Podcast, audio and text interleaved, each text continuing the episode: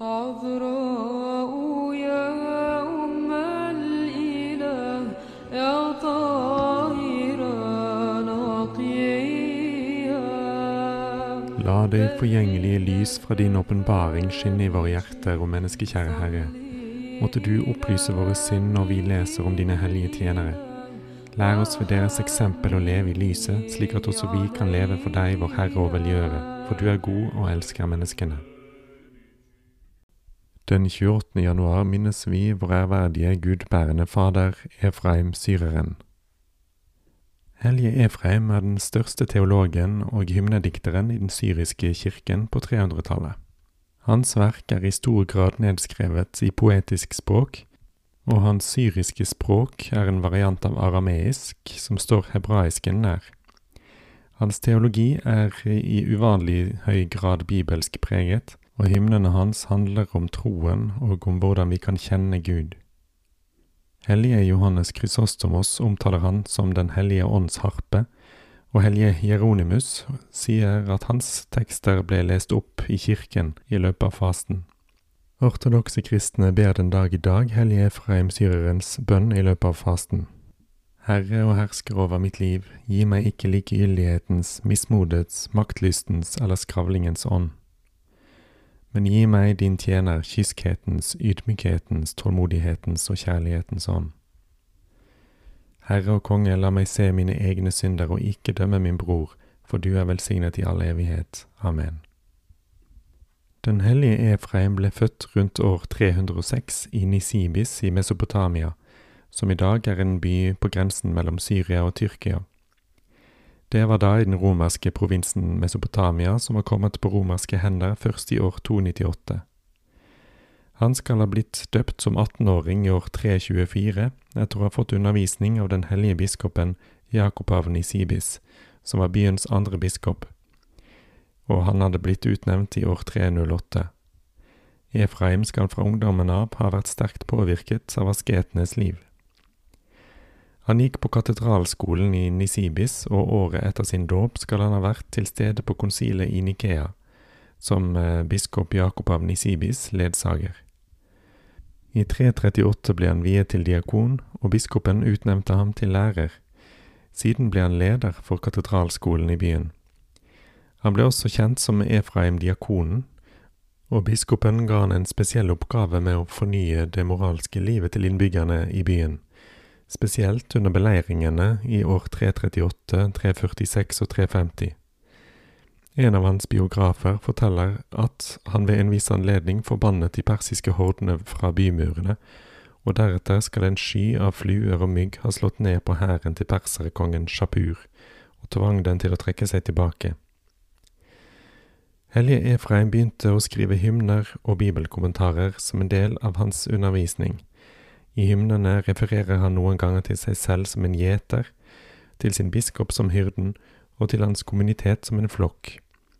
Etter biskop Jakobs død i 338 hadde Efraim nær kontakt med de tre etterfølgende hierarkene. Han grunnla en teologisk skole i Nisibis, som i senere århundrer var senteret for lærdom i den syrisk-ortodokse kirken.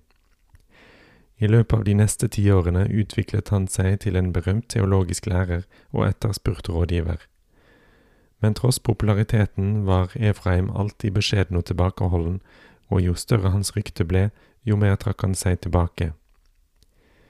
I 337 døde keiser Konstantin den store, som hadde legalisert og fremmet praktiseringen av kristendommen i Romerriket.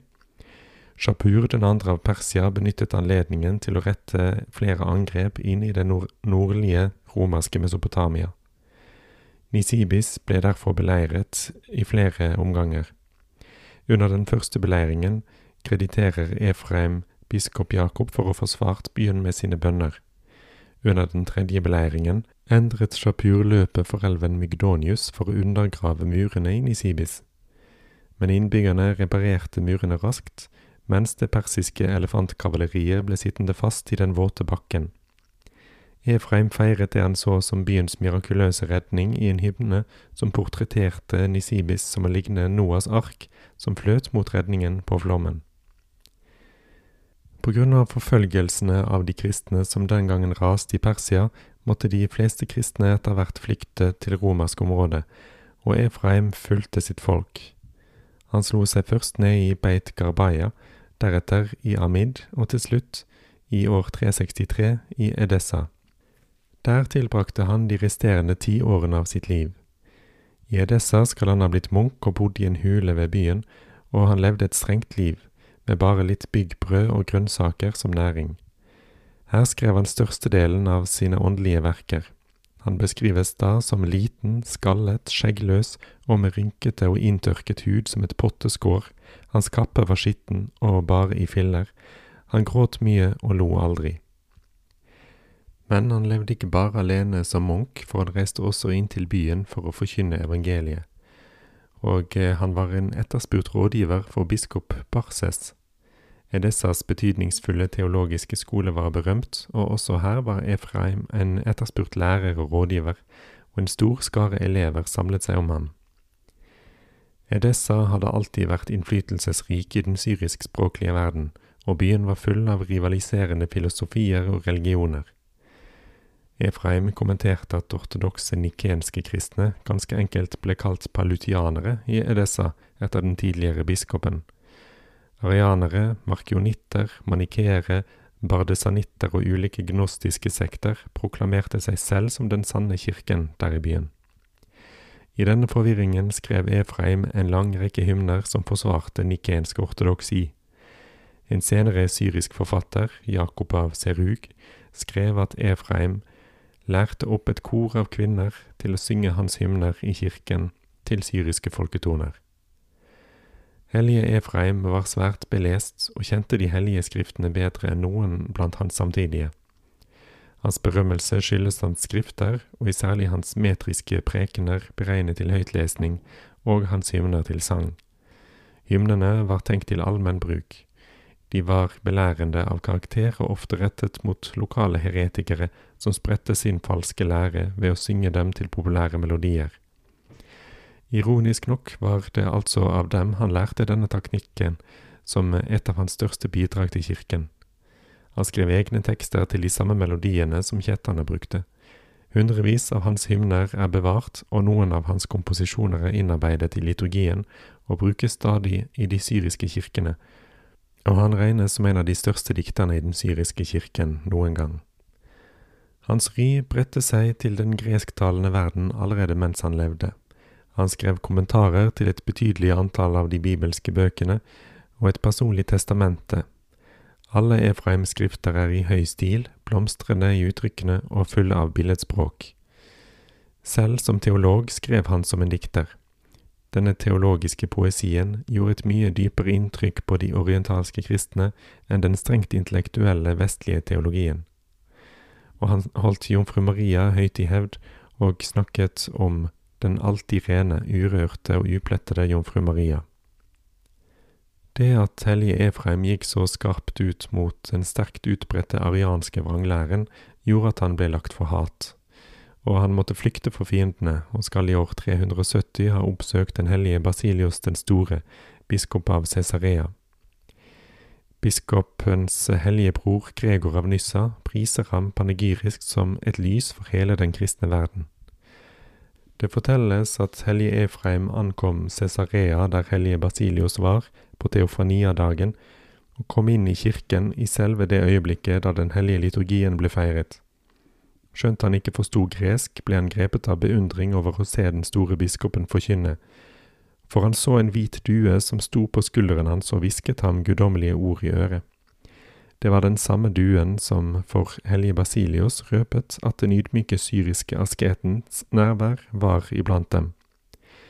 Og han sendte bud for å oppsøke ham og samtalte med han noen øyeblikk der bak i helligdommen, og Efraim ga seg plutselig til å snakke på gresk, som om han hadde kjent dette språket siden sin barndom. En annen historie som fortelles fra hans liv, handler om en reise til Edessa. Da møtte han en kvinne på veien, og hun levde et slett liv. Hun hadde et dårlig rykte og var en skjøge. Og han lot som han gikk med på hennes tilbud, men han sa at hun skulle følge ham. Og så ledet han henne midt inn på torget i byen, og i stedet for å oppsøke et avsides sted som var egnet til synd. Skjøgen gjorde bemerkning av dette og sa, Hvorfor fører du meg hit, skammer du deg ikke over å utsette deg for menneskers blikk? Den hellige svarte, Du ulykkelige som frykter menneskers blikk, hvorfor frykter du ikke Guds blikk, som ser alt, og som på den ytterste dag vil dømme alle våre gjerninger og våre hemmeligste tanker? Grepet av frykt angret kvinnen da og lot seg lede til et sted som var gammelig for hennes frelse. I Edessa brukte han mye tid på å undervise folket, og det sies at Den hellige ånds nåde fylte han så rikelig at når han talte til folket, hadde hans tunge ikke tid til å uttale de himmelske tankene som Gud innskjøt ham, så han syntes grepet av stamming. Derfor henvendte han denne usedvanlige bønn til Gud, Herre, hold din nådes bølger tilbake.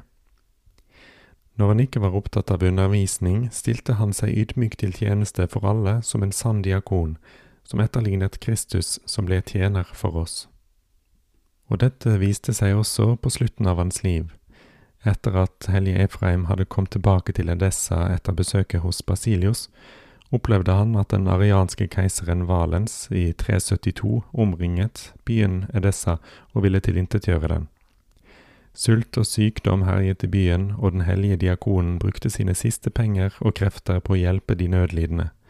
Blant annet organiserte han en hjelpetjeneste og sørget for 300 bårer for å bære de syke. Til slutt ble han selv rammet av den herjende pesten.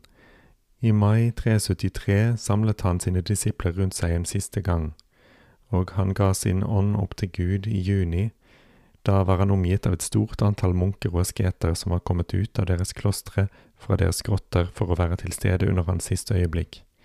Han etterlot med et rørende testamente fullt av ydmykhet og anger, hvor han inntrengende ber alle som elsker ham, om å ikke ære han med en glimrende begravelse, men å heller legge hans lik i en grav for fremmede, og i stedet for blomster og krydderstoffer bringer han deres bønners bistand.